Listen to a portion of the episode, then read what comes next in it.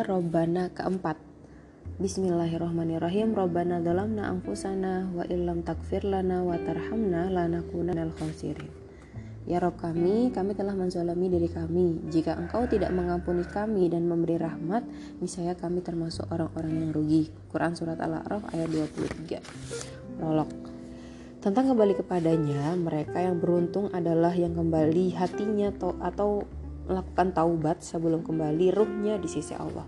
Tahukah engkau bahwa Allah bukan hanya mencari hamba yang pandai sholat serta sujud, tapi juga ia mencari hamba yang pandai menyesali diri. Jadi bukan memperbanyak amalan saja, tapi bagaimana dia mampu beristighfar atas semua kesalahan atau dosa-dosa dan akhirnya mampu untuk menyesali diri.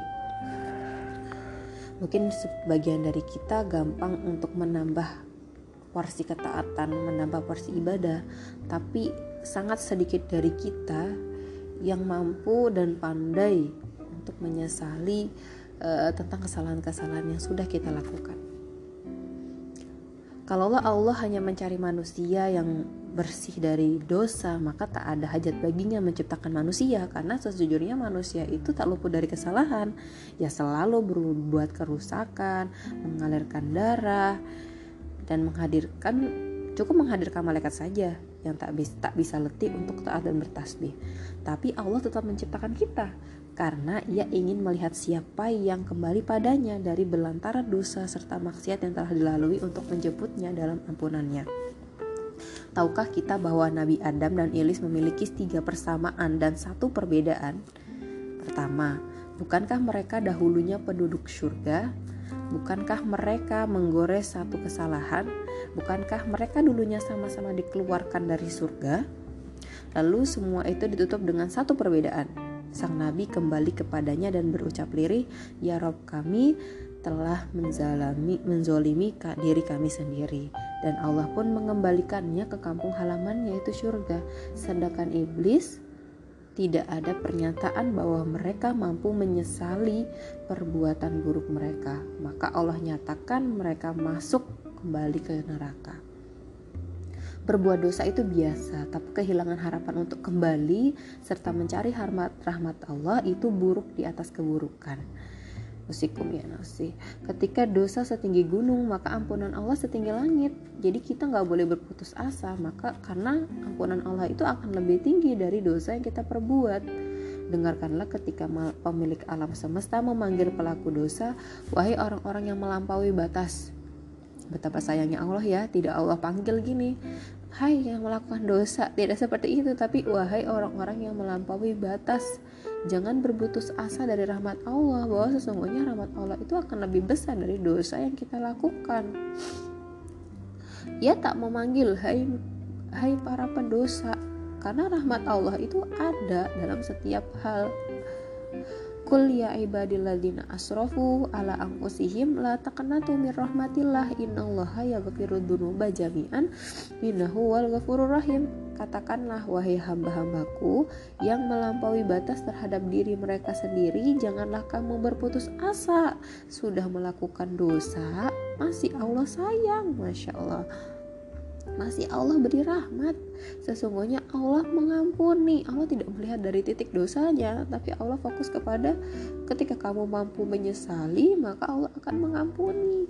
Sesungguhnya Dialah Maha Pengampun dan Maha Penyayang. Quran surat Az-Zumar ayat 53. Yang sal yang saleh yang soleh bisa jadi salah dan yang salah bisa jadi soleh dengan bertobat Tak selamanya yang soleh itu salah dan sebagaimana yang salah tak selamanya bisa soleh.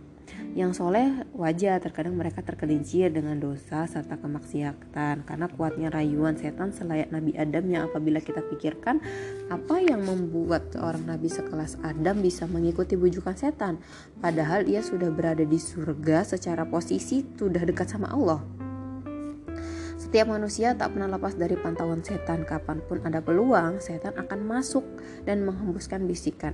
Seperti yang digambarkan oleh Khalid bin Ma'dan tiada seorang hamba pun melainkan ada setan yang senantiasa mengintainya. Setan akan berjalan berjingkat melalui punggungnya lalu memilinkan lehernya di bahu seraya mendekatkan mulutnya di pintu hati manusia. Jika ia dapatkan hamba itu sedang berzikir maka ia akan menyingkir. Namun jika hamba itu lalai dia akan masuk dan menggoda. Dengan intensitas setan yang menggoda tanpa henti, maka setiap orang pernah terjatuh dalam bujuk rayuannya hingga ke dosa. Melakukan dosa kemaksiatan itu hal yang lumrah. Yang tak lumrah itu ketika tak merasa bersalah serta menapik usaha untuk kembali kepada Allah. Padahal Allah membentangkan tangan siang dan malam untuk menyambut dan kembali kepadanya. Kegembiraan Allah terhadap taubatnya seorang hamba melebihi kegembiraan musafir yang kehilangan untuk kendaraan dan seluruh isinya. Lalu secara tak diduga unta kembali tanpa ada barang yang tercecer. Merasa bersalah atau merasa berdosa adalah perasaan hati yang mahal, karena dengan merasa kotor akan melahirkan semangat untuk membersihkan diri. Oleh karenanya, peka terhadap dosa harus ada, karena jika hilang, fatal yang ditimbulkannya. Dalam hal ini ada tingkatan kepekaan sebagaimana yang diutarakan oleh Ampat bin Al-Hasim Hasim Al-Hakim. Tingkatan pertama, mereka yang menyerah kalah dan ia terbuai terbuai dengan dosa, nasihat mana pun tak bisa menghentikannya dari dosa. Kedua, ada yang tatkala terjerumus dalam dosa, namun gak sadar. Tapi ketika ada peringatan, dia sadar, lalu berjuang untuk melepaskan diri dari belenggu dosa. Ketiga, dapun tingkatan yang paling tinggi yaitu orang yang senantiasa berhati-hati dan waspada jika suatu kali bergelincir jatuh, maka serta merta ia langsung bangun sebelum orang lain membangunkannya masya Allah Lekas tersadar sebelum orang lain menyadarkannya, kepekaan begitu tajam hingga dengan cepat mampu mengendus aroma dosa.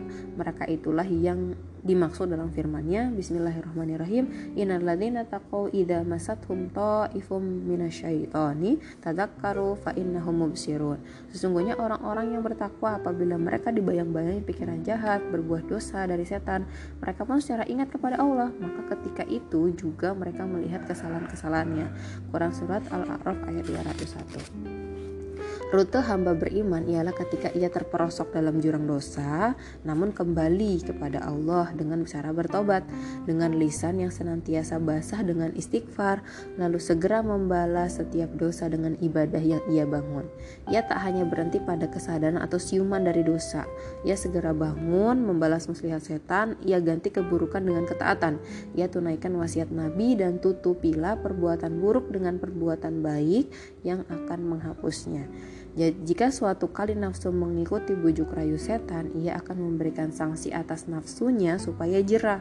Ia akan mengorbankan apa-apa yang disukai nafsunya untuk dipersembahkan kepada Allah. Seperti Abu Talha radhiyallahu anhu, tatkala beliau sholat sunnah di kebunnya, seorang seekor burung membuatnya terlena dalam sholatnya maka ia sedekahkan kebunnya sebagai sanksi atas dirinya Masya Allah. Umar al-Faruq juga mendahuluinya di medan yang sama. Saat beliau terlambat sholat asar karena sibuk dengan kebunnya beliau pun menyedekahkan kebunnya pula Masya Allah. Diikuti pula oleh putranya Abdullah bin Umar. Karena terlambat satu rakaat berjamaah Isa ia korbankan nafsu tidurnya. Ia mengganti dengan sholat sunnah semalaman suntuk Begitulah mereka memberikan sanksi atas nafsunya, sekaligus membalas muslihat setan dengan ketaatan. Sungguh mereka yang beruntung ialah mereka yang kembali padanya sebelum terpejamnya mata untuk berpindah ke alam barzah. Perhatikanlah betapa beruntungnya Um Amr bin Uqaish dari bin dari Bani Asol.